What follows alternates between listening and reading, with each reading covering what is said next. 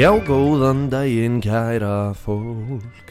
Við erum snúnir aftur hér. Við getum ekki alltaf byrjað að vera snúnir aftur sko. Nú er þetta bara þáttur as usual sko. Já, já. Eða, Þú veist, þetta er bara svona Seinasti þáttu var Batman Begins. Já, Og núna er The Dark Knight. Með Jokernum. Já, með Jokerinn Ok. Og svo næsti, þá, þá við aftur. Það Og þá er það Rise. Nei, er það ekki Batman Returns? Nei, hvað myndir það? Nei, ég er ekki svo góður í Batman maður. Ég er ekki svona mikið nerd. Og, og erum að Herðu, þetta er páskaþáttur. Já, Gleðilega páska. Gleðilega páska Nú er alltaf hámísi súkulega Já. Ógisleir En já, það er á færi núna. Nóg að gera. Nú að gera maður, Laga á föstudaginn. við erum að dæla þessu. Ammælistáttur Já, já. Þetta er eiginlega svona tvöfaldra Eða þú veist. Já. Af því að í dag er jafn langt frá ammælistættinum Eins og á föstudaginn.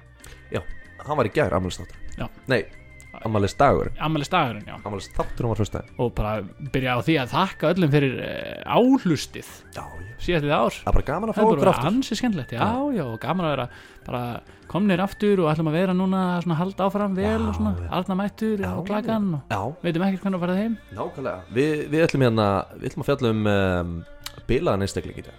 Já. ég, ég ætlaði sko að, að fjalla um Whoopi Goldberg já, og researchaði hana alveg klukkutíum saman eh, og var komin mjög langt að leið. Eh, og erum búin að horfa, hvað sagður á tvær heimildamindir tva, eh, Nei, ég satt hlusta á tvo podcastætti um hana og svo hérna horfði ég á eina heimildamind og svo ég, bara, ég, held ég að eitt svona 11 og hálfum tíma í að researcha hana. Og ég bara því miður þurfti að gefast þið ég bara gæti ekki fundið, no, hún er mjög secretive ég fann, ég fann eh, nokkra sö- sögur og þess vegna langaði mig svo að halda áfram en síðan þurfti ég að gefast upp. Þannig að ég þurfti einhvern veginn svona last minute bara eitthvað að sópa saman og, og ákvaða bara þá að taka einn rugglaða rugglaðan sem ég vissi að væri nú auðvelt að researcha. Já, Steve O. Já. Steve O, hann er geggjaður. Við erum að tala um hérna Jackass Steve-O Já. Hann, hann er með frasa. Yeah dude! Eða eitthvað. Mm, Hann er Hann er hann, og já, já, í þessi þáttur Ég held bara you're up for it. For a treat, Nei, nei, bara you're, you're in for it sko. you're in for it Já. bara- já ég er líka up for it. Já, þú ert up for it og in for it sko. Ég er bara Ég er að fara að setja því þess að þvotta vel Og bara, þú veist bara átjöndur snúningar. Já, átjándur snúningar. Þú ert að fara að koma út bara gjössanlega keksrugglaðir og, og, kol- tandur hreinn Nei, reyndar hættir verður einhver skítavifta hérna þessi þáttur sko. já, já, Þannig að ég ætla bara að vara ykkur strax við Þessi þáttur er ekki fyrir sko. það verður blótað þú, Já, þú, nei, ég veit ekki með það sko. Ja, Ok, ég getum alveg blóta pínu Fuck shit, skiljið En það verður allavega ekki hlusta á þennan í stofunni með ef, ef þú ert bann, Ef þú ert bann, hætt að hlusta nú hætt að hlusta. Borðaði bara páskaækið, horfðu bara á Já, bara páskaserjun grjótaltu kjafti og jættu súkulaði Já. og ekki hlusta á hana þátt. Fokkaðir þú ert bann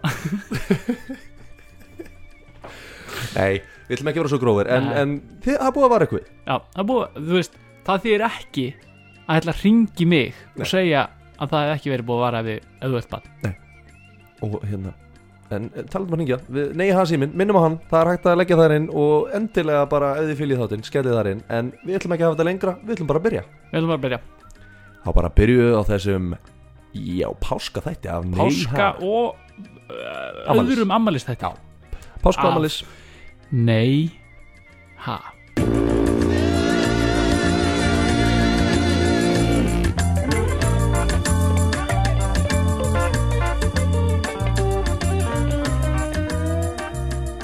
er alveg svo fyndið með, með páska ekki eitthvað svona Þú veist maður er eitthvað svona Út heitur, kaldur, heitur, já. heitur, heitur. Klikka heitur, kaldur. En bara þú veist, var þetta ein leiðin til að halda upp á páska án þess að láta crossfesta sig? Bara, Já. það er ómikið Philips er að gera það skilur við þeir gera það Já, alltaf. já.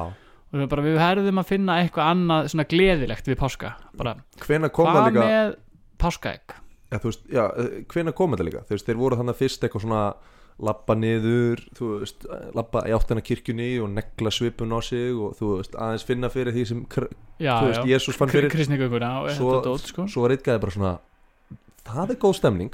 En Ég fíla pískin, sko. Ég fíla pískinn En- en, ég væri alveg til í súkulæð Já. eða þú veist, ef þú spyrir mig. Og, og svona, já ok ef að hafa svona súkulega krossa? Já, ég var meira að hugsa um sko egg. Já, ok, ok, já, þetta verður stemning að setja nammi í eggið. Já, einmitt, það var það sem ég var að hugsa. Herðu, herðu, svona fyrir ekki, ég, ég er bara með eina eða þú veist, hvað með að, að sé svona lítið blað Já. og við setjum svona bara eitthvað svona, bara eitthvað svona saying, skilur eitthvað svona málsátt Já. bara já, er það kannski eitthvað svona úr biblíunni, nei, bara svona eitthvað skilur, já. Og, svo, og svo svona loka það bara svona Þetta er samþykkt ef það er kanína sem skilar eggjunum út um allt. Ha, ekki hæna? Nei, kanína nei, hæna.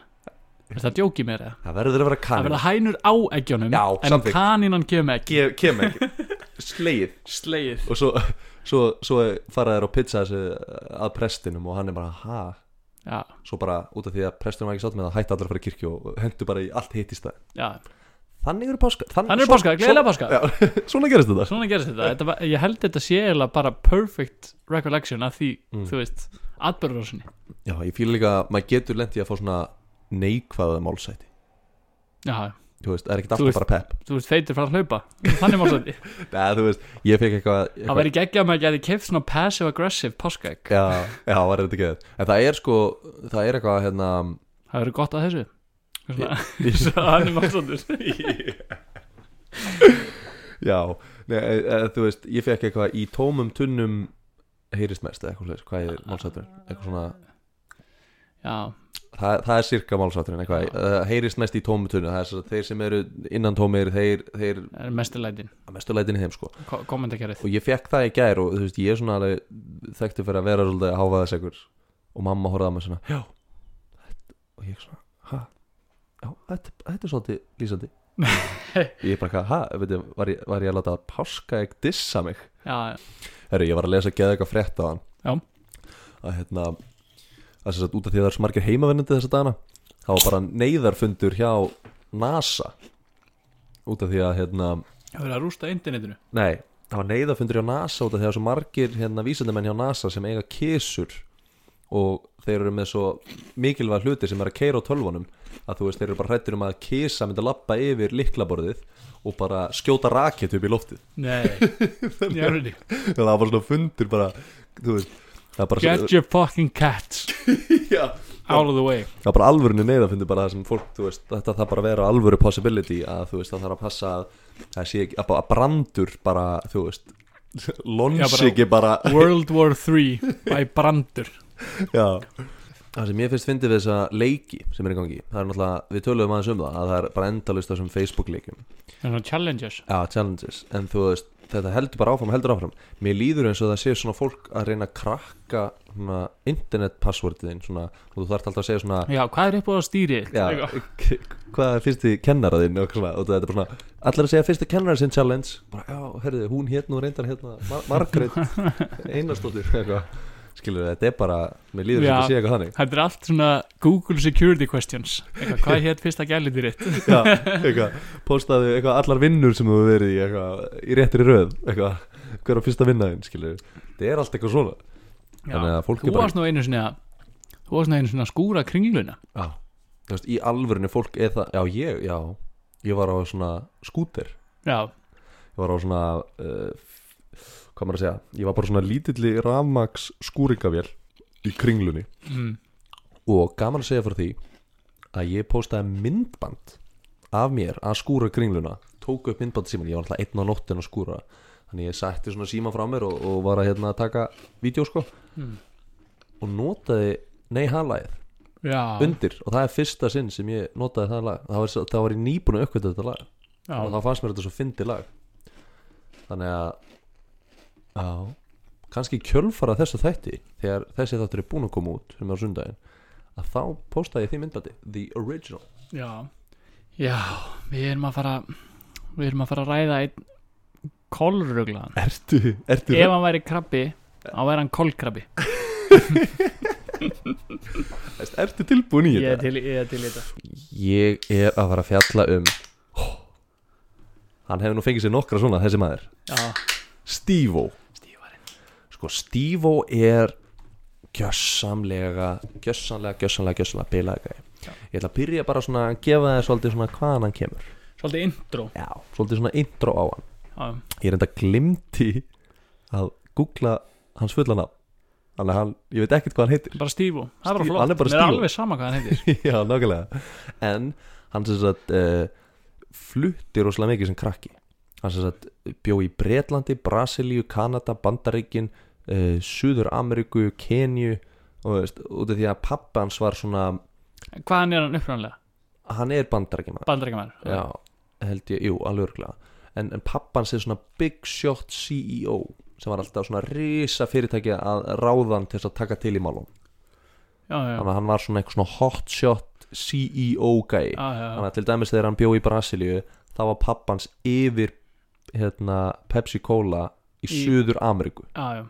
Veist, og eitthvað brjála og þú veist eitthvað svipað í og pappans var sér að svona Og fyrsti gæðin til að fá Blackberry síma í Söður Ameríku og svona þannig típa. sko. 100% sko, Já, og, þú veist, og, og er líka bara svona eh, stíf og þú veist sagði að þú veist að pappans var alltaf svona chauffeured around í svona limmum alltaf í svörtum svona Rolls Royce og, já, og hann sagði þú veist að það væri alveg frekar hellað fyrir hann og veist honum fannst hann aldrei svona hann fílaði ekki þessa svakalega svona öll þessi ríkidæmi sem var, hann var umkringdu skilu, hann fílaði ekki að vera svona ríkur.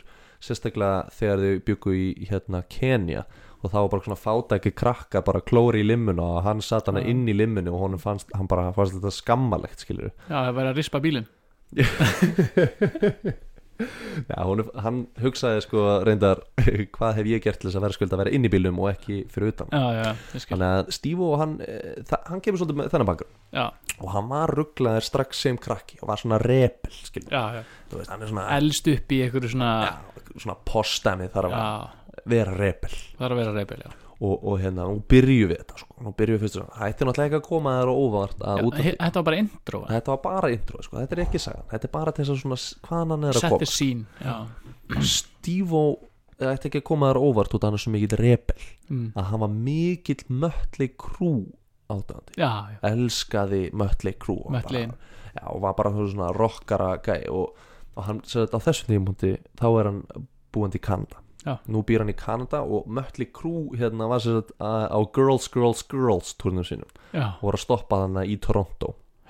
Og pappans vissi að þú veist hann var mikill Mötley Crüe fan og Mm. ákvaða að vera svona svaka pappakall skilur út að hann var svaka ríkugur já, Og Já, og ég bara, ég á hérna svona skybox miða á Mötley Crüe sem er hann að, já, bara VIP, já, þú bara ert, dæmið. þú ert í svona glerkassa Já, bara yfir bara sviðinu rækjur eins og getur í þið látið og Já, já. Ritz Keks og og Steve var bara eitthvað, pabbi þú veist, það er umulegt að horfa Mötley Crüe í gegnum eitthvað fokking gler já, bara glemdi það bara er ekki fokkin sem sagði verið horfði í gegnum glerið. Já, glemdi því glámur ég sé bara að vera á Mötley Crüe tónleikum að borða djúbstekta rækjur og gler. Já, þú veist, ekki séns. Ég vil fá svitaliktina bara, Já, bara og pappans bara kúkafíluna bara þarna fremst.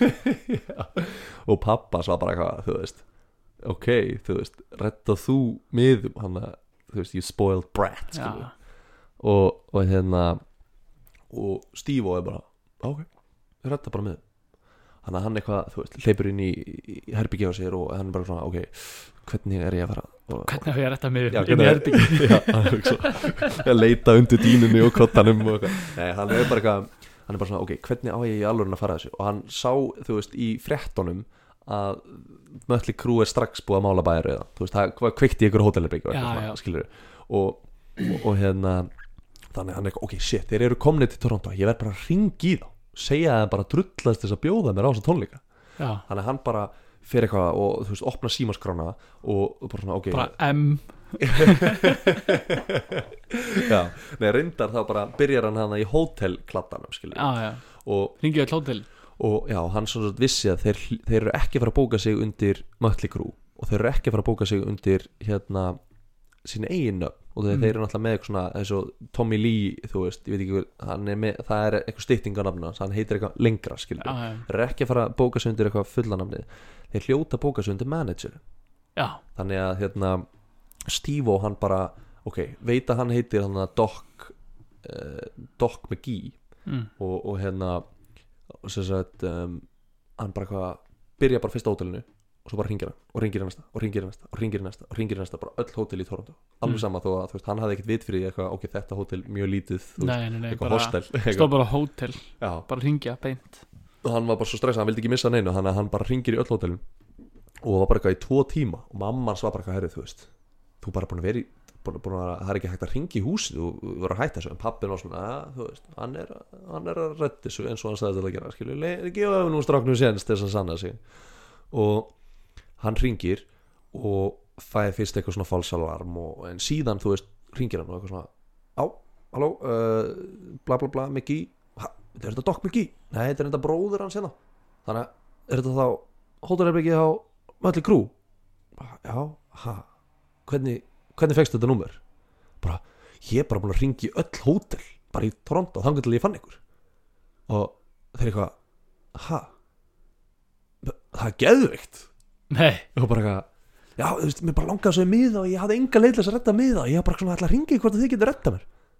Bara, eru, strákar strákar, það er bara einhver krakki hérna, vill fá miða.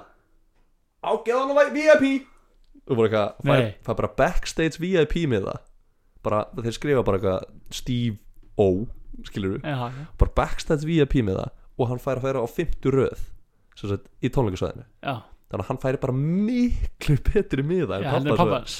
og, og pappans bara já, geðvikt og bara skutlar hann á tónleikana hann fæði bara að fara og það er bara að taka Hann fór ekki með honum, segast, pappans Já, fór ekki með hann Nei, ok. Skutlar hann bara á tónleikana og hann er bara backstage bara að hanga með þessu rockurum og það bara, veist, hann bara lætur taka myndir af sér og er bara í góðum feeling skilur já.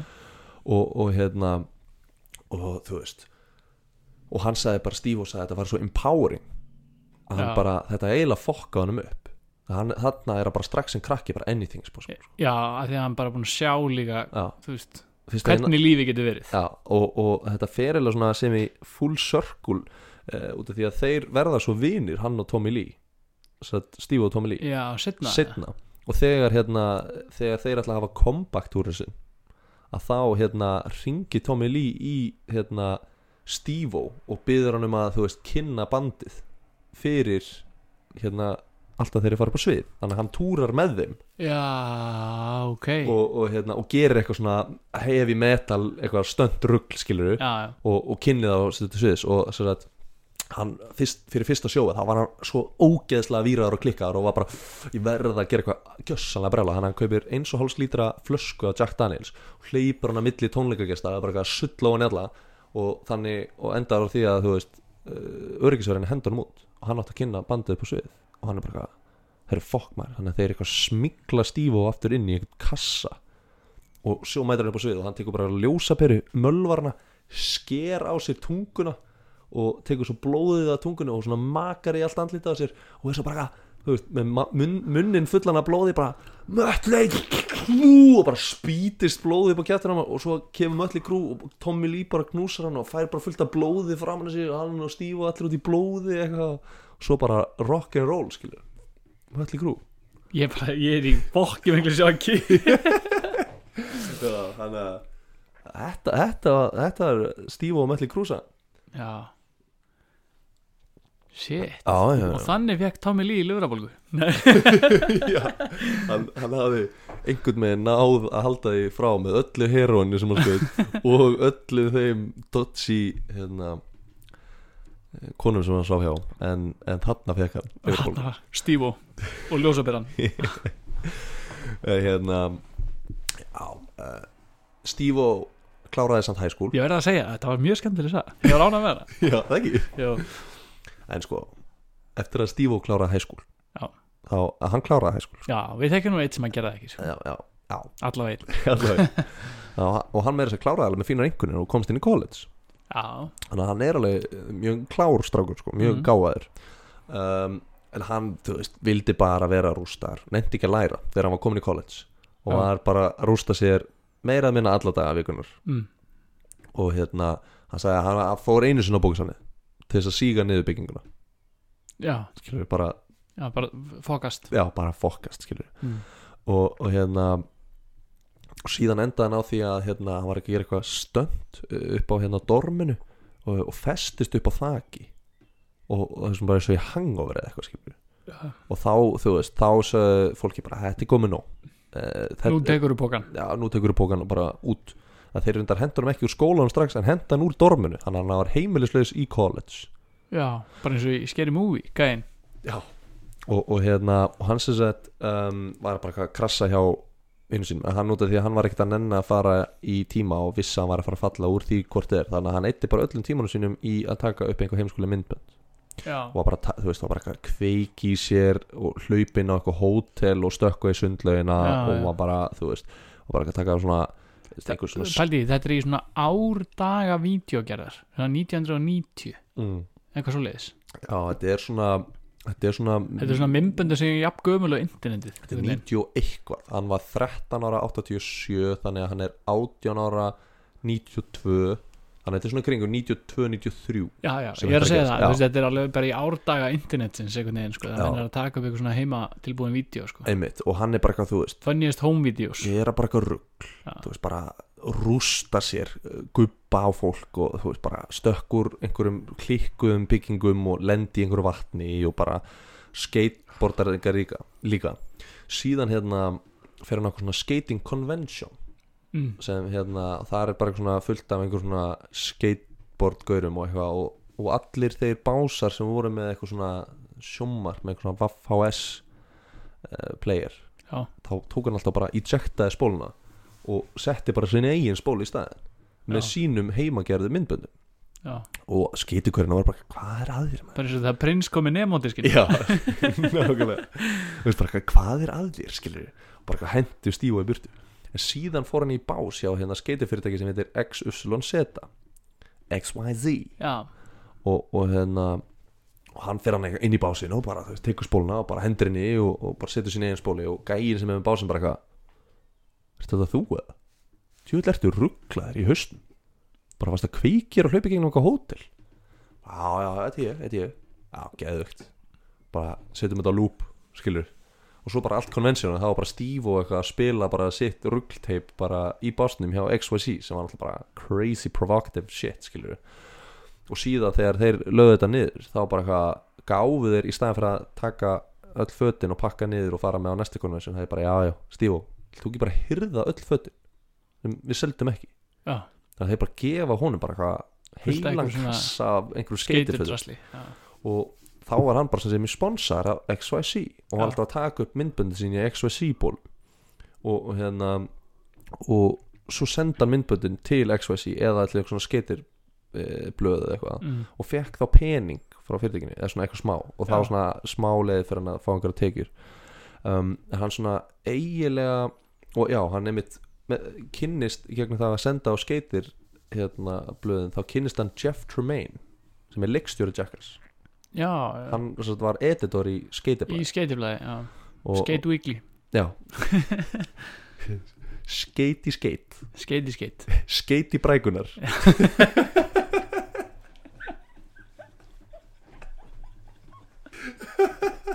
Þetta var quality. Þetta var, þetta var 100% quality. Það er best hvað þér finnst þetta fyndið shit, þú veist, við erum með lélegasta húmor sem ég veit um Sælugur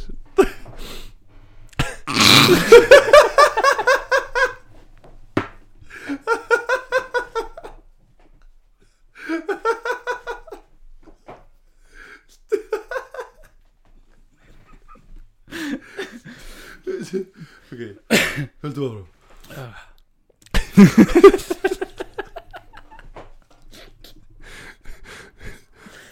Ok, áram með þetta Já, þess að um, hann var samt ekki að græða það mikið penning og hérna bjó hjá sýstu sinni. Og hérna sýstur hans var að verða svolítið þreytt á hann að, vera alltaf bara heima að sér að senda á þetta skeitiblað og eitthvað. Hún sem satt satt heima á, á, á klóstinu reyndar það hérna það, það, þannig er sagan. Já, og var að lesa hana skeiti brekkunar og og eh, sagt sér þar auðlýsingu fyrir Trúðaháskóla hérna, hérna Burn and Barnacles Clown College. Já. Eins og Homer Simpson fór í. Já. Og hérna og það er sagt skóli sem er erfiðar að komast inn í en Harvard. Tölfræðilega séð sko. Þess að 5,6% af fólki sem kemst inn í Harvard.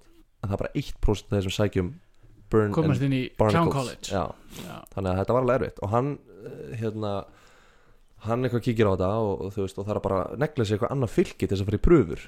Já það eru pröfur sko. En hann hérna, kemst inn og ekki bara kemst inn, heldur kemst inn á fullum styrk. Þeir bara peppa það mikið að þeir bara, þú veist, borga allt tuition fyrir hann.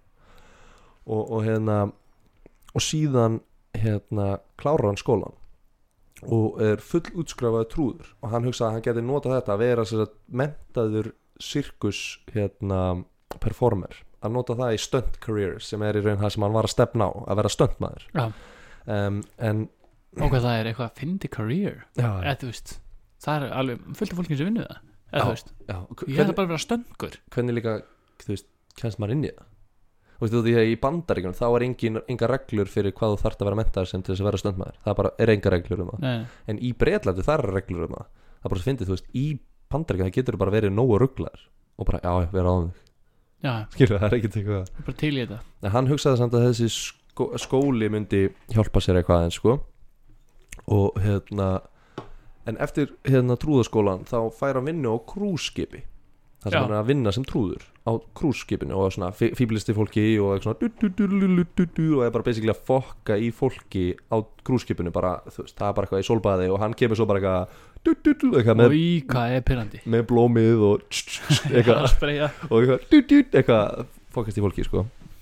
Og já, en hérna en hann var meiri svona stöndtrúður. Hún fannst meiri stemning að þú veist, vera að gera eitthvað svona trúðastönd þú veist, hlaupa með risastóra skó og, stökku í laugina og eitthvað svona. Mm. uh, en híni trúðan já, en híni trúðan þeir voru meira svona renna á banani híði trúðar sem voru að vinna með honum já, já, já. þannig að það var svolítið svona uh, voru ekki allir svona sammála uh, hvernig átt að vinna þetta. Og þa þar með hérna eiginlega sko sviku hinni trúðanir Stífó, þannig að hann einhvern veginn svona eiginlega misti vinnuna út því að hann var hérna trúðastungin í bakið já, af, af hinum trúðanum já, og hérna, og þeir bara, þú veist sögðu bara, herru, Stífó bara hérna, fyndu lyktina blóminu og, og hann eitthvað svona, og pssst, bara drullar, skilju, Já. bara framan í hann í staðin skungalikt. En hérna þannig að hann, þegar hann klára þetta þá mi- missir hann vinna og fer beint bara og ringir í hérna Jeff aftur, Jeff Tremaine. Og bara hvað, heyrðu hérna ég, ég vantar pening maður og, og hérna ég er með einhvern risastóran trúðabúning og eitthvað, ef ekki bara bara kveikja í mér í trúðabúningnum að lappa á stultunum og svo lappa ég bara búið að kveiki í mér og, og, og svo bara detti niður og við slökkum í mér eða eitthvað svona rugl og kannski reyni ég að skeita á stultunum eða eitthvað. Mm. og Jeff eitthvað, jú, herru, þetta er geðið guðmynd og hérna hittir Stívo og þeir bara, hann er í þessum trúðabúning sem hann var með á krúskipinu Mm. á stultum og þeir kveikja bara í honum og þú veist, hann bara bara, bara kviknar í honum bara Bara og- klikka mig og hann bara svona reynir að lappa eitthvað og síðan bara þú veist, er hann bara alelda skilur og þeir bara negla hann niður og bara, bara slökku í honum með, hérna slökkutæki. Og hann bara, já, þetta er hella stöndmaður og bara, já, ég, ég heyri svo í þið með, með hvað við getum fengið fyrir þetta. Mm. Segir svo, ringir svo í hann viku setna, bara, herri við vorum ekki að taka upp skatemyndband ég, hérna, er að setja saman pilot fyrir þátt fyrir MTV sem heitir Jackass. Það er ekki sama þá við setjum þetta í pilotin mm. hann bara, jú, bara geðugt og síðan bara eitthvað varð Jackass bara risa, risa hittari. Þú veist, pilotin kom, þeir bara hitta aftur Stífu og tóku upp bara eitthvað fleiri bits og settu það svo bara MTV og MTV var bara þetta var bara störtlað það var bara overnight bara risa serja en út af því að Stívo var ekki búin að ganga frá neinum samning þá fekk hann bara borgað per bit fekk bara 200 dollara per stönd sem hann gerði. Já, þannig að hann grætti tótal 1200 dollara á pælotunum á allri fyrstu seri á Jackass. Hæ? að í 12 alvörunni? Já, þannig að hann var ógeðslega frægur og bjóð á götunni þannig að hann var heimilislegs frægur geir. Og fólk var bara eitthvað að koma að hann á götunni og var bara eitthvað bara, ó Stífó, má ég fá einandarátur hann bara, já, þú veist, má ég reynda að krassa sófanuðinu í staðið ég geði einandarátur og fæði kannski nokkra nætur á sófanu nei, það er bara, já, já. Þannig, já, þetta, þetta er hans svona það er klík þetta, þetta er saga nummið tvö, Rise to Fame. Það er tjúlað Já, svona er þetta sko. Ha? Hvað er það að vera frægur og heimilislis Já. En um, jésús nú Nú- hann var frægur heimilislis Já, en nú ætlum við að róa hlutina aðeins niður og, og hafa þetta svona minna, minna hérna minna crazy og aðeins meira wholesome. Já, bara til þess að aðeins að jafna út. kemur bara einu uppskrita salati Já. Já, hérna því að Steve hann er um, hann er mikill dýravinnur og Já. hann elskar dýr og hann er hérna uh, hann er vegan. Já, hann múin að vera í píta lengi. Og, og einmitt hérna uh, og hann er mjög vókal um dýranýð og er mjög mikið á móti sérstaklega SeaWorld og eitthvað svona sko. já, já, og hérna en sálfræðingur hans, hann er búin að vera mikið á sálfræðingi uh, inn og út sko. Og, og sálfræðingurinn mældi með að hann myndi fá sér svona therapíhund svona hund sem getur róað niður þegar hann verður taugaveiklaður sérstaklega eftir að hann hérna, hætti að taka eiturlif þú veist, og þegar strax, þú veist, þegar hann fær kreyfingi að vilja að taka eiturlif, þá getur hann bara svona klappa hundurum klappa hundinum, skilur mm. bara að vita allir að klappa hund er bara nánast og að fá sér í nösina fá sér kók.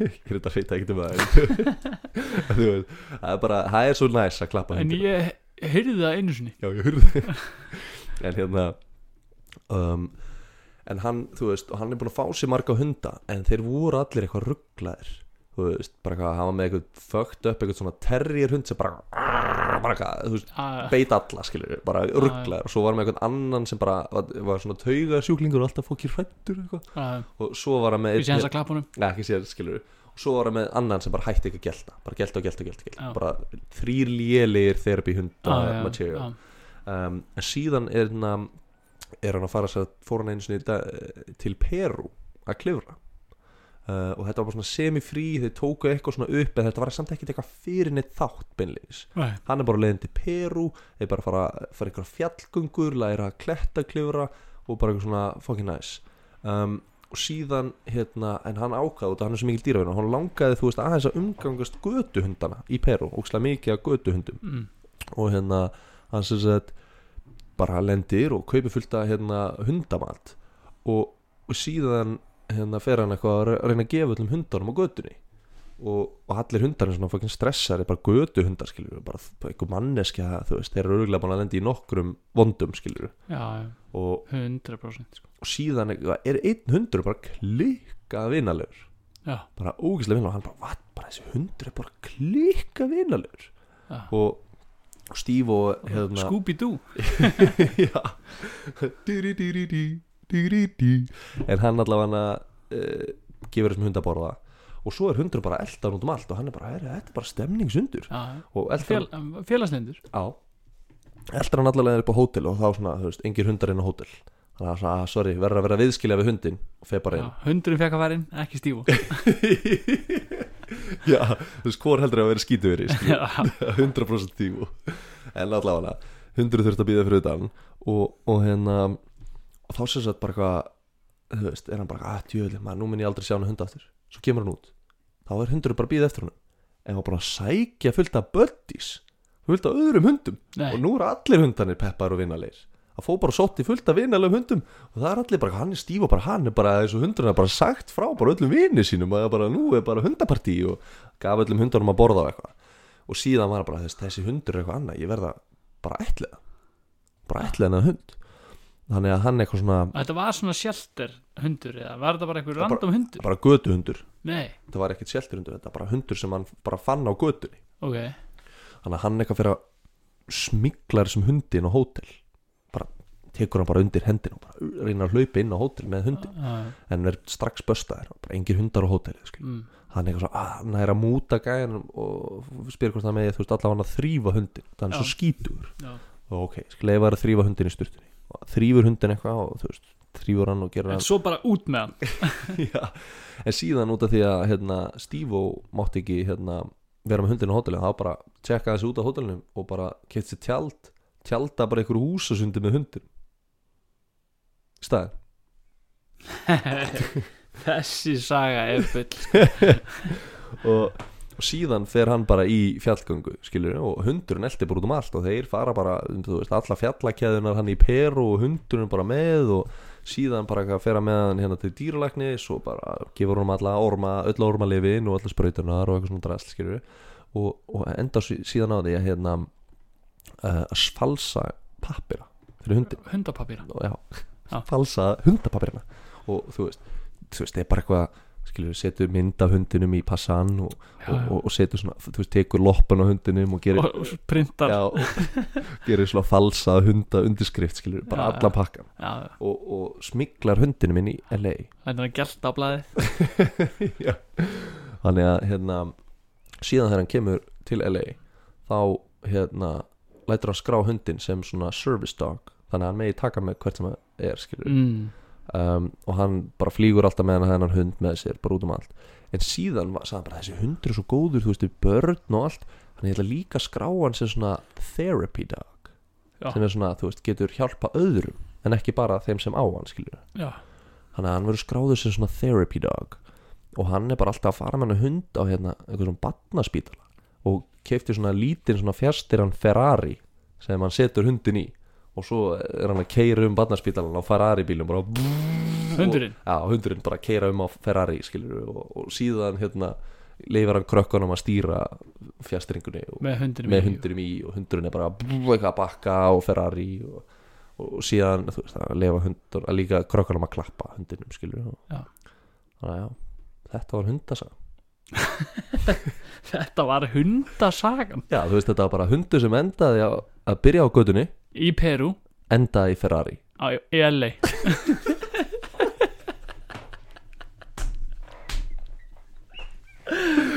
það veit aldrei hvað getur sko. nei, nei. Ma- mér langar eiginlega að sjá horfa á svona YouTube-imband með svona dramatískri tónlist bara was born on the streets. Já, já. en herru núna þeir eru svona nýkomina góðri stemningu. Já, þá ætla að fara í sjúkasta beint drasl skítrasli Nú já, ætla að fara í það viðpjóslegasta sem í ég kamarinn. fann um já. já, Þetta er almenningsklósettið hans Stívo sko. Hér er skítafíla og aldrei þrifið sko. Aldrei þrifið og maður fer inn og maður fær bara svona hryllingsvið Ó, ég fæ bara svona hroll. Ok, sko.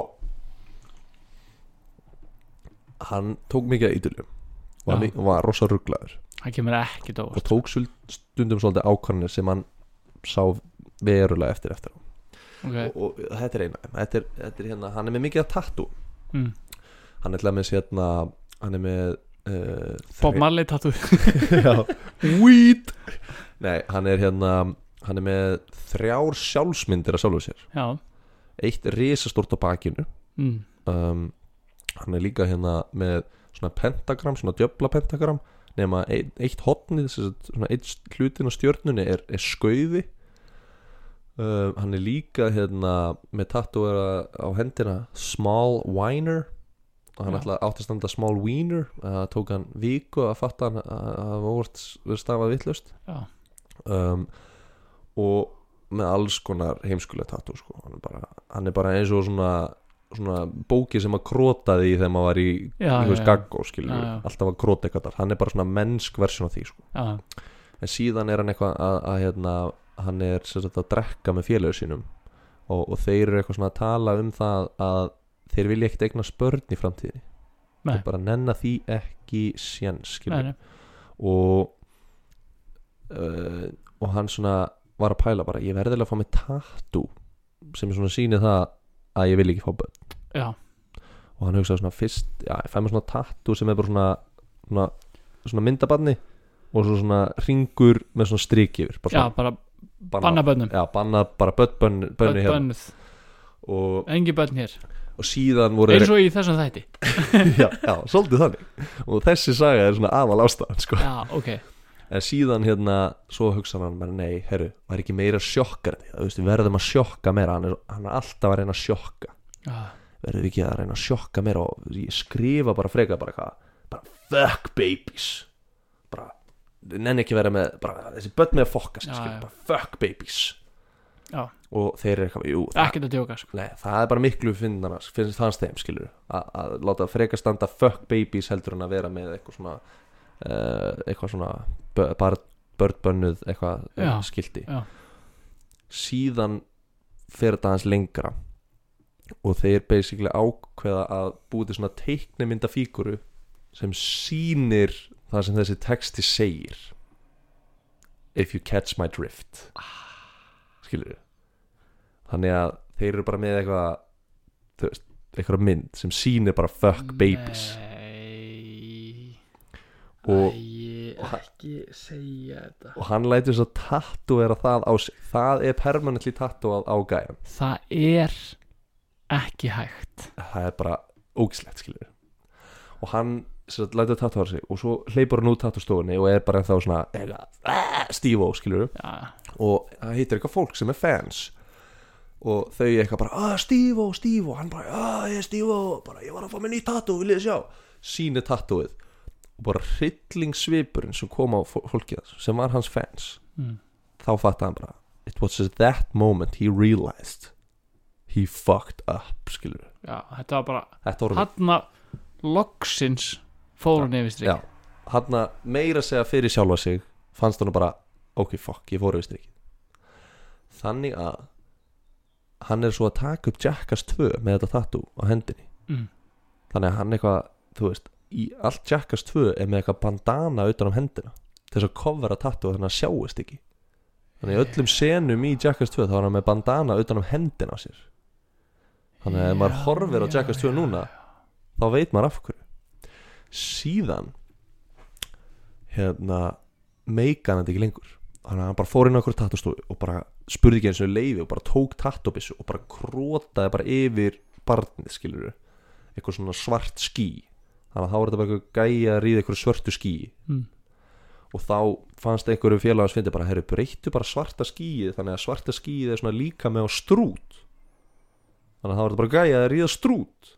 Það er fyndið ok, breytaði þannig. Þannig að nú er eitthvað gæja að ríða strút sem er ógeðslega heimskulegt tattoo líka. Já, en já. þú veist, kl- klárlega skarra skilur en, en samt, þú veist, eitthvað bara fókt og hann svona meira segja bara við það að hafa það á líkamunum, þú veist, þetta mynda hann alltaf á hvað Já. heimskuður og fannst þetta bara uh, næsti ógislegt, skilur um, en síðan hérna lendan í hérna hann sem þetta var eitthvað leikur sem er flugvélabensin og kveikti í sjálfu sér óvart og brendi 15% af líkamunum og þar að meðal neðri helmingin af þessu tattúi já. að helmingurinn að því brann og bara neðri, ekki efri. Þannig að hérna nú er þetta bara svona hálfur gaur og hálfur strútur og svo vantar neðri helming að hann er að pæla sem sagt, að láta þessa hræðilegu sögu bara enda því að, að strúturinn og gæin eru bara orðinni vinnir og, og eru bara keira á Harley Davidson móti hjóli saman Þannig að hann gerði nýtt tattoo. Já, svo að strútur að kera Harley Davidson móti hjól með gæja aftan á. Þannig að þannig þannig að þetta. Já, bara fínn endir. Já, en, en þú veist þetta er svona, þetta er svona setur líka svona þetta gefur svolítið insýn í, í, í svona headspace sem þessi gæja er í. Þú veist, hann er bara svona alltaf að reyna að augra fólki. Já, og hann er, hann er komið það langt að hann svona veit ekki lengur Nei, munin á því að hvað hvað er augrun og hvað er bara Hann- hann er ekki það að mér finnst þetta afsækilegt en hann er líka á þessum tímundi á topp punkti eiturleguneslu mm. þannig að veist, þannig er hann á toppnum Jackass 2 Já. en þessi þú alveg farin, já þessi þú þannig að ég ætla aðeins að leta hans á sig, já þess að leta þessu, þú veist hún er ekki léttast að sagja heiminum en hún er samt léttari léttari sko. við náttúrulega erum með hérna eitt skemmtlengur Mike Tyson, já, við erum með Mike Tyson og Steve-O já, þeir eru nefnilega ágæti félag þeir tóku hérna mitt eins og við sögum ég heldur sögum að í Mike Tyson þættinum að þeir tóku kókain saman klósetunni á Mike Tyson. Já, já, já. það sem hérna Mike í Tyson partíinu. Já, það sem Mike Tyson reykti kókain í sígarettu. Mm. hann svo tók tóbak út, setti kókain inn í staðan og reykti það bara eins og, eins og hann væri að fá sér tóbak sem Já. er rugglað, en við erum ekki að tala um það núna við sem sagt erum að tala um það sagt Mike Tyson uh, var settur inn á geðveikarhæli. Var rehab geðveikarhæli. Það sem að frelsi sviftur verður með geðveikarhæli en það er svona, svona drug rehab Mm. uh, og hann var búin að vera þar eitthvað á- en síðan loksins kom einhver gæi sem hann þekkti inn í rehab kunnulegt andlit. Steve O. Já, líka mættur. Okkar maður. Og þeir bara, ó, Steve O það, í, í alvörin það er svo gott að sjá þig sko, þú veist, ég er bara búin að vera takk fyrir síðast. Já, takk fyrir síðast. Ágóða stemning hjá okkur strákur En við erum hérna Við erum búin að vera uh, þungir uh, og nú ætlum við að reyna þess að leta á sig hérna í ríhapinu Taka okkur á.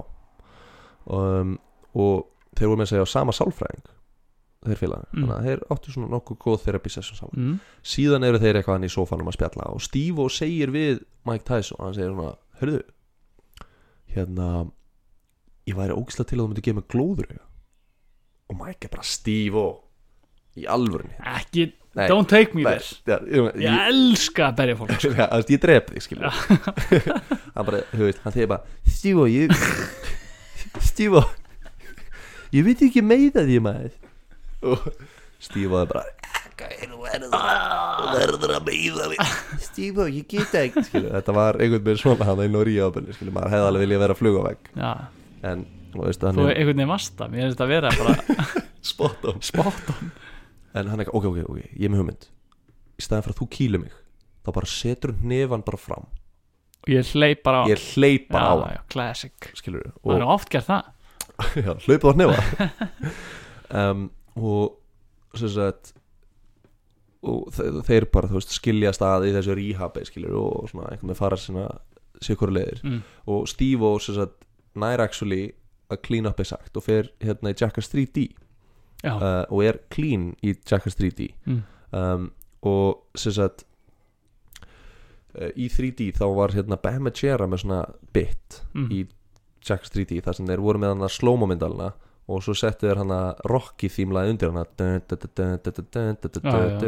og svo skvett hann vatni einu meininga og svo Og neldi með já. kildi gæjan hinum einn Mm. og þeir sem sagt ætlaði að fá hérna Stívo í eitthvað svona bita sem þeir ætlaði að, að Stívo baði maður að vera með bita sem hann myndi skjóta af sér gerfurtuna með BB-gun og sem sagt hann myndi svona miða BB-gun hann að gerfurtuna staði svona út og svo myndi svona skjóta nil, sjálfu nilluna af gerfurtuna af það var planið Af hverju, þú veist Hvernig dettur mann þetta í hug Já, ummitt En þeir voru eitthvað svona, æ, þetta er of ógíslegt og of klikkað fyrir Jackass En þetta er góð leið til þess að fá hann til þess að setja kjurran fyrir fram að slómamundalina En við getum tekið Bamajera boxhanskan á hann Já, Þannig að þeir ætla að hendi það Bamajera læðist aftan á Stívo Vatn du, du, du, og snýr sig við og það bara fær nefan já, beint í smettið. bombuna. Og, og Bamajera nefnbrítur Stívo alveg illa. Já, og það sem ennþá vera var glemd auðarekk rata aldrei í Jackass. Nei. Þetta atrið er ekki til skilur Í þannig að alvöru Bamajera nefnbraut Stívo fyrir ekki neitt. Og Stívo var brjálar hann var fyrstulega brjálar með hrekkin hann var líka brjálar að þeir vildi ekki nillu sketsin að skjóta Ah. honum nipluna. Hann var pyrraður að missa Og ekki svo nipluna. gjörsamlega styrlaðara er að ekki tekið þetta upp. Já, og var náttúrulega mest pyrraður yfir því skilur Já. þannig að hann svona lætur tvo mánuði af upptökum rúla en síðan er hann bara ferandi bróðskona bara þið hálfvitanir er að fara að borga fokkin Beverly Hills bara lítalækni bara besta í bransanum til þess að laga með nefið sko. Veist, ég er allur fucked up sko. og þeir bara, ah, ok, ok, ok. Og þú veist, hann fer hann í Beverly Hills til þess að leita sér lítalækni. Og lítalækni er bara, stífó það er tveir mánuði liðni sko. nefið þetta er gróið svona núna. Veist, ef þú ætlar að þú ætlar að hérna láta laga þetta, veist, þá þarf ég bara basically svæfa þig og bara, og bara brjóta nefið þetta aftur upp. Og Steve var svona, ah, veist, hann var svona stressaður út af því að hann var náttúrulega komin úr rehab og vildi ekki láta Fá, já, drugs já, vildi ekki, dó, já, vildi ekki dópa sig skilur og veist, þetta er það sásöka fullt hándópsins að hann bara, ah, herru, ég slepp þessu bara. Hann bara með byggla nef. Síðan spólum aðeins áfram sko. 2011 Charlie Sheen roastið. Þá er Steve-O með. Svo Steve-O og Mike Tyson hittast á roasti Charlie Sheens. Og þeir rósta hann og þú veist, það klárast skilur síðan segir Steve bara Mike, bara, núna ég ætla að hlaupa á nefaðin í þessu rósti. Og, og Mike Tyson bara Nei, Steve, það er ekki hægt maður, það er ekki hægt, þú veist, ég get eitthvað að rústa eitthvað mikið. Steve bara, ég verð Já, já, og þeir hendi í það. Já. Mike Tyson stendur með hefan bara og búin að læsa olbónum Já, hann er bara að fara hann í andlitið skilur. Já, já. Og Steve Jésús hvað maður þarf að vera með marga loose blockers í hausnum til þess að geta hlaupið á hann sko. og Stívo tekur bara sprettin hikar ekki dýfir sér með andliti fyrst hittir ekki á augað eins og hann ætlaði. Hann ætlaði að fá glóður auga já, negli beint á nefið. Og fokkar því upp í þetta skipti sko. það var, gjörsanlega það var rústaði brotið fyrir en núna er það bara að bara bara Michael Jackson, hann er bara jól og páskar með þetta sko. já, nákvæmlega skilju Michael Jackson er bara með undurfagurt nef með þetta. Og hann er bara hvað, hann horfir niður og hann sér bara að nefi hans er bara að leita næstu útgönguleið skilju bara hvað, þú veist, hvar er neyðarútgangurinn hérna sko, ég Já, meika bara, hann ég er farin já, þetta er ekki hægt já, já. og hann er bara, fuck, veist, núna er ég búin að rústa með nefnir, sko, það er bara, veist, það er bara eins og það bara leitar svo langt til vinstri að, að, að þú veist, hann getur bara bara, getur bara, hann bara kosi Bernie bara strax. Getur bara sniffað inn í eirað sér, skilur og, og hérna þessi var þetta góður. Kosi börni að hérna síðan hann er bara, og það fossblæðir Já. úr nefn á Stífó. Og svo heyrir hann úr salnum bara Hei, Stífó Stífó. Og hann bara, ha, hver er að öskra á mig? Hei, Stífó. Hver, hver er að ös- öskra á mig? Hver er þetta? hver er hann kíkir svona út í salin og það er eitthvað gæja að reyna að veifa honum. Og hann er bara "Ugh, hvað það eru og Stífó það verður að rétta á þig nefið núna strax út af því að þú veist að meðan það er brotið já, þá verður það uh, laga það að græja já, til þess að það verði ekki eitthvað skakt. Já, já, og Stífó vissi að það er rétt. Já. þetta, hafa, þetta var ekki fyrsta sem sem af breytið því að hann kláraði school. Já, og líka hann var náttúrulega búin að brjóta nefið. Já, þannig að hann eitthvað hleypur þessum gæði upp á svið og þú veist, ég held kannski að það var eitthvað gæði sem vissi eitthvað skilur, kannski Mm. eitthvað læknir eða eitthvað. Og gæðin er bara eitthvað Stíó, ég er hérna kung fu instruktor og bara með margra ára, ára reynslu í kung fu. Já. og og hérna, ég ætla að laga, ég get bara laga á nefi ég sé svo mörg nefnbrot og er þetta bara allt ef við bara, þú veist, er bara cameras rolling bara meðan þetta er í gangi? Já, ekki þegar þetta er kung fu gæðin laga á nefið. Ok, en, ok, en það var, var kamerarúla þegar Mike þegar hann Tyson hleypur á Já. og, og hann er eitthvað svona ha, já ok, fuck it veist, það spara með ferðina á spítalan og gæðin bara tekur nefið og bara og bara fullkomið bara þráðbeint og bara, ef þú sér Stífó í dag myndir aldrei gíska hann hefði brotið á sinni sko. hann er ekkert eins og eitthvað Owen Wilson að bara, þessi gæi var með svartabeldi já, hann var bara með svartabelti að laga nef en pældi hann hefði getað enda bara eins og Owen Wilson wow, Já. wow, er með ljótt nef Owen Var þetta Jackie Chan? Nei, ég var núna að reyna að vera eins og Owen Wilson. Ó, Wilson. Já, þú veist, þú veist alveg, þú veist alveg hvernig hann er. Hann vaknar alltaf á Vá. mótnana, kíkir í speilin Vá, hvað ég er með ljótt nef. Vá, Vá. Vá. Hann er með tvíbrotnaði Og Já. bróðir hans reyndi að laga það Og þess vegna lítur Já. hann út. Vá. En herðu, ég hef með aðra sögu. Já, Stívó, hann hefur aldrei alveg verið kendur við neina konu með Hann hefur aldrei svona eitthvað Ekkert eitthvað svona celebrity gi- gifting Eða Nei, eitthvað finnst svona- það heldur ekkert skrýðið sko. Ég myndi að eiga hann sem kærast það hann hefur einhvern veginn aldrei haft tíma. En hann hérna Hann sem sagt varð einu sinni ástfangin Samkvæmt, uh, Bókinni. Já, samkvæmt bókin hans. Hann hefur enda gefið út bók mm. sem er frábær. Um, En hann sem sagt uh, Hann hefur verið yfir sig ástfangin einu sinni. Mm. Og hann var sem sagt ástfangin af Önnu Nicole Smith Reality stjörnu Já, Playboy Bunny Og örgulega með fáum konur sem eru svipa rugglaðar og þau voru alltaf að hittast í partíum hjá Paris Hilton. Já. þetta er svona 2002-2003 þú veist, þarna var Paris á toppnum Stívo var rugglaður og, og, og, hérna, og, og Paris Þetta var þetta MTV era sko. Já. MTV já, stjórn og Paris hjá MTV Já, þannig að hún og, og Stívo þekktust ágætlega og Paris var líka duglega að bjóða Stívo út af því að hann kom alltaf með eitthvað rugg það var alltaf með Já, kom úr sagði brandara og Já. skiptum tónlist Já, og til dæmis einu sinni þá hérna, var svo þetta á ammálni hjá þetta er bara svona side story sko, en, Mm. en bara þú veist, í ammálni hjá Paris Hilton þá hérna, mætti Steve og, og, og keifti tíu kampansflöskur og opnaðar allar á paparazzi að paparazzi sem eldi Paris.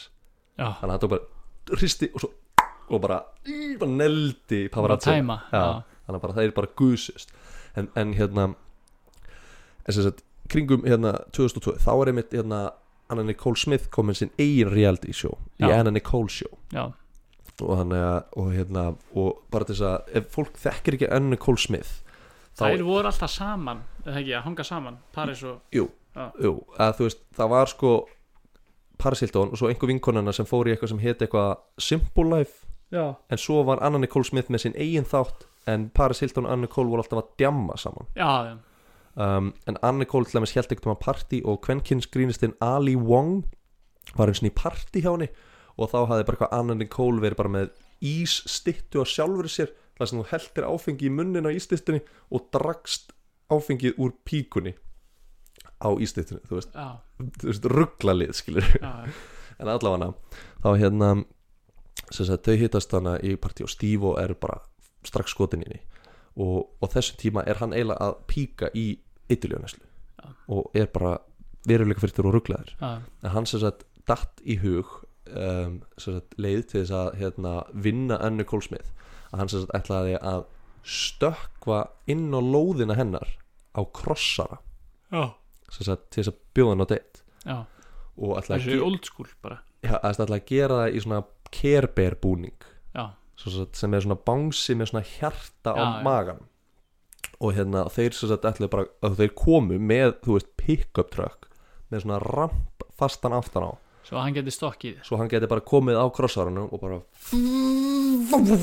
bara á yfir hlið skilur og, og þeir hérna og þeir, þú veist, leggja bara pick-upinum eins nálægt hérna, og þeir komast þannig á þessu, þessu hliði. Og Stívo bara er að negla í bangsabúningnum mm. og bara og stekkur og afturhjólið á mótihjólinu grindverkið. fer í grindverkið og hann steipist af hjólinu og rústast inn á lóðina og liggur þar meðundalaus í bangsabúningnum og hérna öryggisverðinir þú veist, þeir koma bara bara með, sjá bara bánsa veist, þeir bara taka byssunar á hann skilur, Já. þeir vita ekki neitt hvað að gauður þetta er nei, nei, og þeir eru bara stay the fuck down! Og þú veist, og félagar hans eru bara við hliðinu bara, bara he needs some help, bara he's seriously hurt bara, og Stívo liggur bara með þetta laus skilur, og er ekki að reyfa sig. Og þeir eru bara fuck, þú veist, hann getur verið döður ef hann er ekki döður þá eru þessi gaurar að fara að drepa hann Já, að þú veist, þetta var bara þú veist, það byssur á lofti og þetta er eitthvað mega dæmi og síðan, þú veist, þeir hringt á sjúkrabíl Mm. og Stívo, þú veist, þeir taka þú veist, þeir taka hausin af þannig að bánsa hausin, Já. þá er, þú veist, þeir Stívo hana og hann er feð bara inn í sjúkrabílin í búningnum ennþá. þú veist, þeir klippa hann eitthvað upp í bílnum en þú veist, Já. hann fer bara þú veist, bara hálfur kerber er bara neldur inn í sjúkrabílin, skilur Já.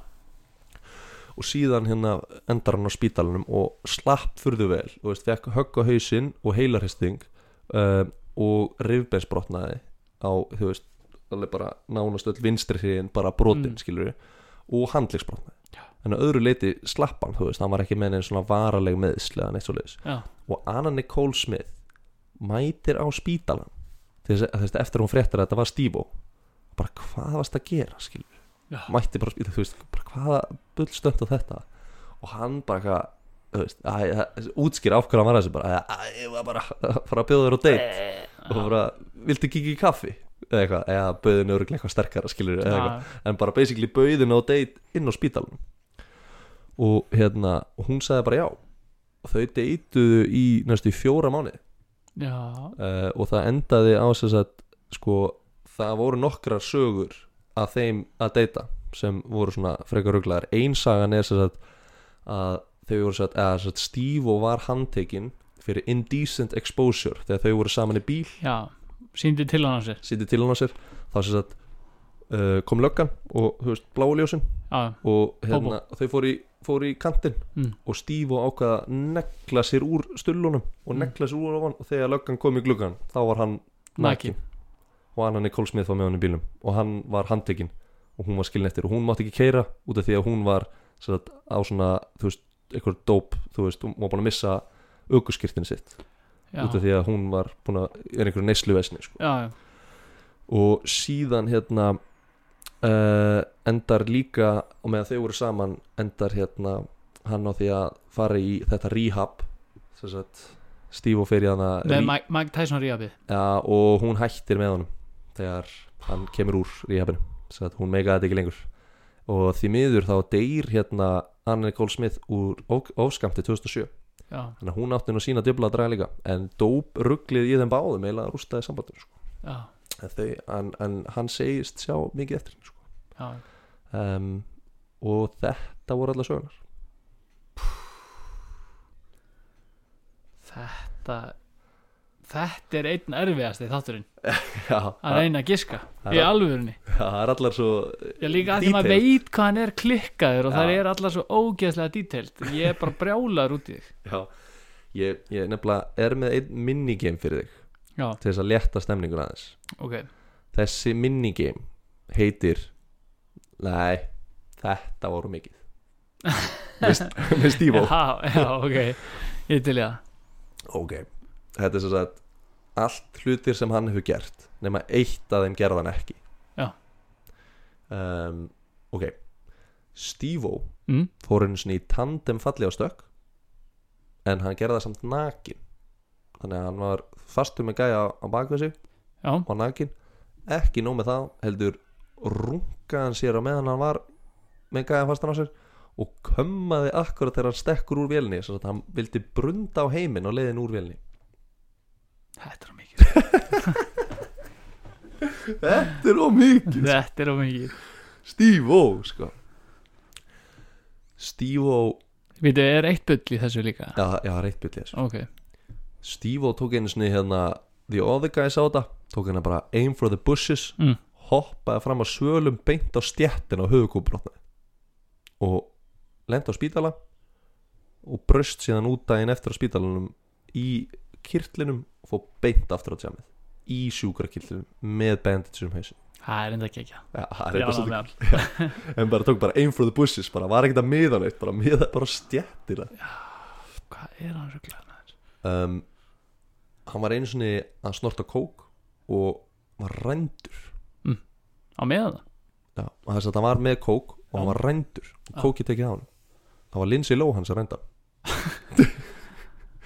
Ok uh, Hann var sagt handtekinn Og kærður Og átti yfir sér höfði Átta ára dóm Fyrir federal offense Út af því að hann heftaði pungið sinni við löppin á sér á almenningsfæri Er það ekki svolítið grófu dómur? eða? Jú, það er líka bara spyr Mark. Mark Wahlberg fekk tvö ár fyrir að reyna að drepa gæða Steve á næstu átta ár fyrir að hefta punginu Já, löppina en dómarinn var bara hefur séð myndina, skilur við Mm. og hann er hugsað bara, Sá pungin þetta er á mikið. Hann hugsaði það. Steve ó hljóp inn í kirkju í miðri messu kúkað altari Já. Það er statement. Það er statement. Hann og Pontius He gives a shit. Herru, Hann og Pontius Já, klættu sig í sebrahestabúning mm og hlupu eh, í savannaðinu já, í Afriku Já. Og það kom ljón og reðast á þá. Já, beit af sebrahestinum hausinn já, og þeir sluppu nömlega með sitt eigi líf. Já.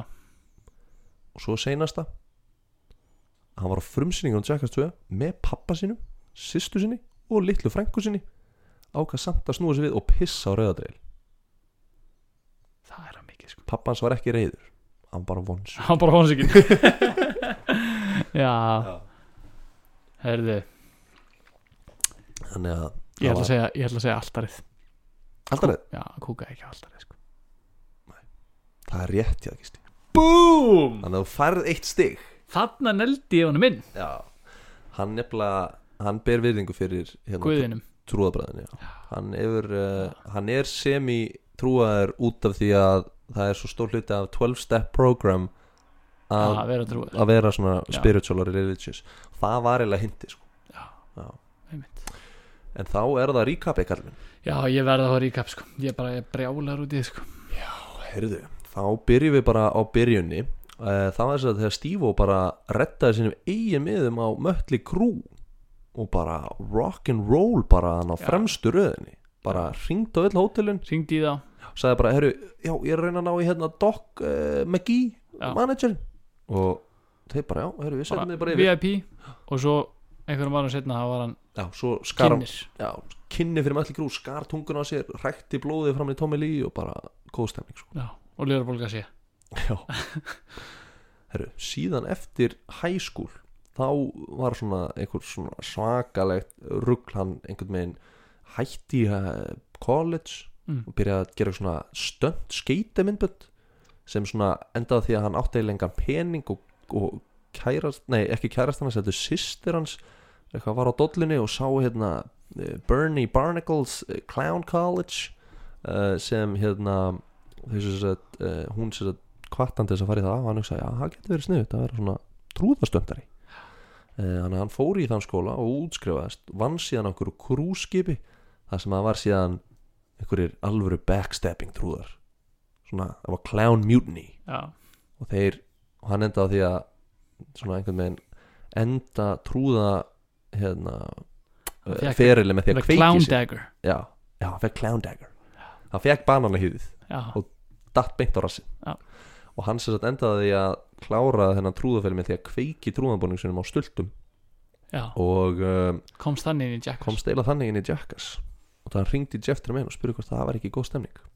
Og fekk séðan bara 1200 dólarar fyrir allt fyrsta sísón af Jackass. Jackass og var bara á götunu heimilislaus eitt frægast í gæði bandaríkunum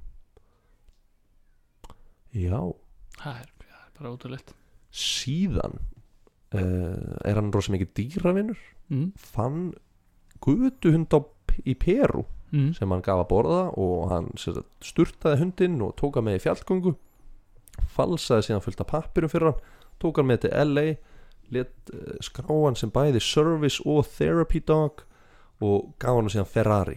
Já, hundurinn sem byrjaði á Já. endaði Ferrari. Endaði Ferrari.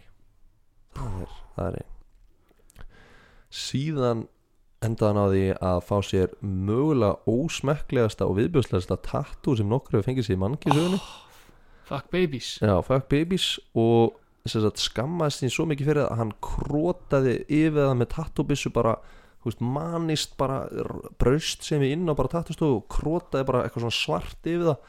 Og það svarta ský endaði því að breytast í strút uh, sem síðan brann af. Og núna er strúturinn og gæin, dónagæin eh, bara í góðri stemningu. Dónakallinn? Já, hann er bara núna á mótihjóli já, að keira saman inn í sololæð inn í sólsetri Já. Já, uh, síðan eru Steve og Mike Tyson þeir eru góðu vinnir uh, Steve sagt, endaði að gera samning við hann um að Mike Tyson myndi halda út nefan og hann myndi hlaupa á nefan og fá glóðröga uh, sem þeir gerðu svo ekki. Og síðan fór hann bara í Jackass 3D og nefbrotnaði.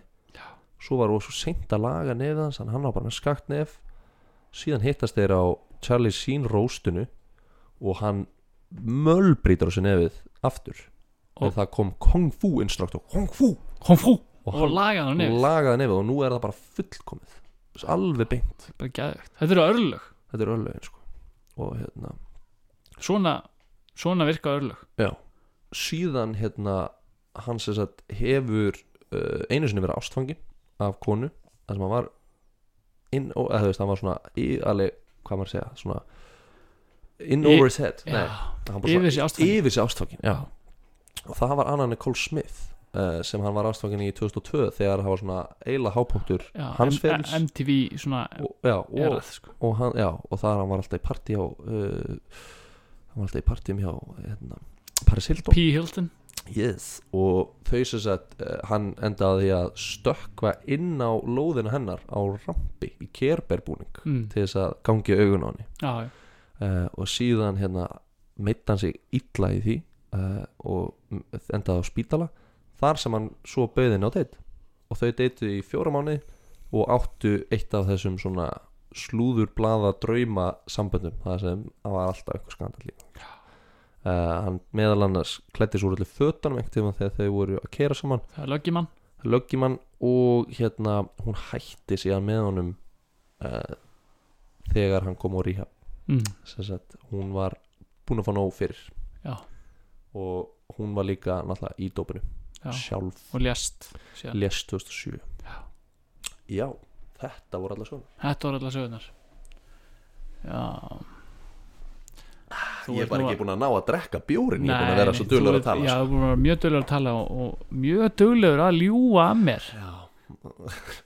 Heldur, ég og Gísli við erum mjög góða vinnir en við Kristungur erum ekki neitt Nei, Það er svo, við erum svo duglegir að sko. þetta er mjög duglega að ljúga sko. Herri, ég ætla bara að giska á eina sögu. Ok, ok, ok. Ekki það, ég, bara ég, ég er það óviss. Já, þú ert það óviss. Þetta eru sex sögur, þú ert með alveg 12,5% líkur. Já. Sko, Eða ekki annars? Ég Ég held. Nei, það er 8, sorry. Ég bara, ég veit það ekki sko. Já. Ég held Að Tattúsa hans er bull. Já Ég hafi bara logið upp á hann bara Já, að klikkast með þetta í hug. Klikka sem datt í hug. Strútur á mótrjóli Keirin í Já. Sem að var baby, fuck babies. Já. Kaupið ekki. Sko. Babies bönnuð. Fuck babies. Þróast út í mynd af þeim ógjörningi. Já, einhver teiknumynda karakter Já Er því miður eitthvað sem að Steve-O gerði í alvörni Ég trúi og, og hann, eh, hann segir að þetta sé eitt af því sem hann sér mest eftir. Þetta er klikka, hann hafi gert þetta sko. Já. En hann er núna Hann er sko Hann er nefnilega Hann er svona rosalega mikið batnandi mönnum með best að lifa gæi sko. Já, já, Hann skafar ekki neitt af fortíð sinni. Með Pist afsökunar til margra Hann hefur neitt Geð sjúklega mag, Mikið magn af, af hérna, eiturlega mm. uh, Til dæmis var ekkit ólíklegt fyrir hann á einu kvöldi Að taka s- sett, á 24 tímum Að vera bara crazy crazy crazy á kókaini Og klára 600 hilki af nitrous oxide Á 24 tímum Að hann bara reyna að anda þessi minnstu súrefnum sem mest af nitrous oxide Þannig að hann er þar sko. um, En já, hann sér að til miður að gera þetta uh, Og hann sér að uh, bara svona Til þess að við Þó að hann sé svo sjúkur að hendi þetta Þá vil ég líka benda það að núna er hann að reyna að bara mjólka eins mikið og hann getur úr restina ferlinu sínum. Svo að hann er núna að gera svona stand-up comedy tours og, og Jackass 4 er á leiðinni. Ok. Og hann er að reyna að spara eins mikið af þessum peningi og hann getur til þess að opna svona animal sanctuary. Það sem hann ætlar að bjarga dýrum Já, og það er það sem hann ætlar að helga restina lífnu sinni í, að bjarga dýrum Já. sem hérna hafa lent í einhverjum dýranýð en það er ein uh, ligasaga hérna. Já, um, og, og hann og Mötli Krú mm. eru klika góða vinnur, það er satt. Mm. um, hann á vissulega hund sem kerur um að Ferrari. Já en hann var aldrei skotin í önunni Cole Smith. Ú, en hann er hins vegar rosa góðu vinnu Paris Hilton. Já, og djamma mikið með henni. Já. Þannig að önninni Cole Smith Ástarsagan sem hann fyrir kerberbúning á móturhjóli já, það er líga það er ligasaga já. Hvað hefur lítið að gera á daginn? Alveg. Yeah, þetta er eitthvað svona alvöru sótkvísa Þetta er sótkvísa Þetta var algjört. Ég var bara, þetta var svo romantíst einhvern veginn. Þetta alveg Hefur þú hugsað um að gera þetta? Já, ég, ég hérna, já, næst, næsta gælla sem ég ætla að reyna að gangi á, þá ætla ég bara að koma í gegnum gluggan hjá hann bara í móti Í mótorhjólinu. Kerber búningunum bara, Og rótast á gólfinu. Nennir please að koma deitt Já, shit maður, ha? Já, þetta var góð þáttur. Ég bara sáttu með hann? eða? Jú, ég var mjög sáttu með þetta sko. Já, þetta var, þetta var Owen. Já. En þú veist, ba- eins og við segjum oft sko, Batandi mönnum er besta lifa Þetta með besta lega, þú fegst allavega hana bónuspointið. Já, ég fekk Og bónuspointi, þú ég varst- fekk einn af tveimur. Og neldi bara í ég, það líka. nel, ég bara búm! Já, Ég vissi nákvæmlega hvar þú værir. Ekki drugl. Já, Já. Þannig að bara Þakka fyrir þáttinn. Já, það Mælum með að allir fari og, og kaupi sér hérna Skeiti brækundar Já, gott. Já, góða Skeiti tímaritt Skeittímarit skeiti brækunar Já, Já, það er geggjað magasín. Og líka bara vonaði að njótið restina páskana. Ég, ég vona að, að þið komist svona virkilega í já páskastemninguna bara alveg bara, bara stíf og páskastemninguna. Þú veist, því bara einhvern veginn Búin að borða svo ógeðslega mikið Súkulega þeir eru bara Og svo bara beint í páskalambið Og, Já. Og bara allir er einhvern veginn bara afvelta Bara eins og Þá getur ykkur liðið svona eins og hann eftir 600 nýtróksast hilki og kokain Já. bendir. Getur manni kannski liðið smável í smástund Herru, takk fyrir áhlustið Já, herru, takk fyrir mig Arnar, ég er bara að laka til næst. Cue the outro. Q, Q it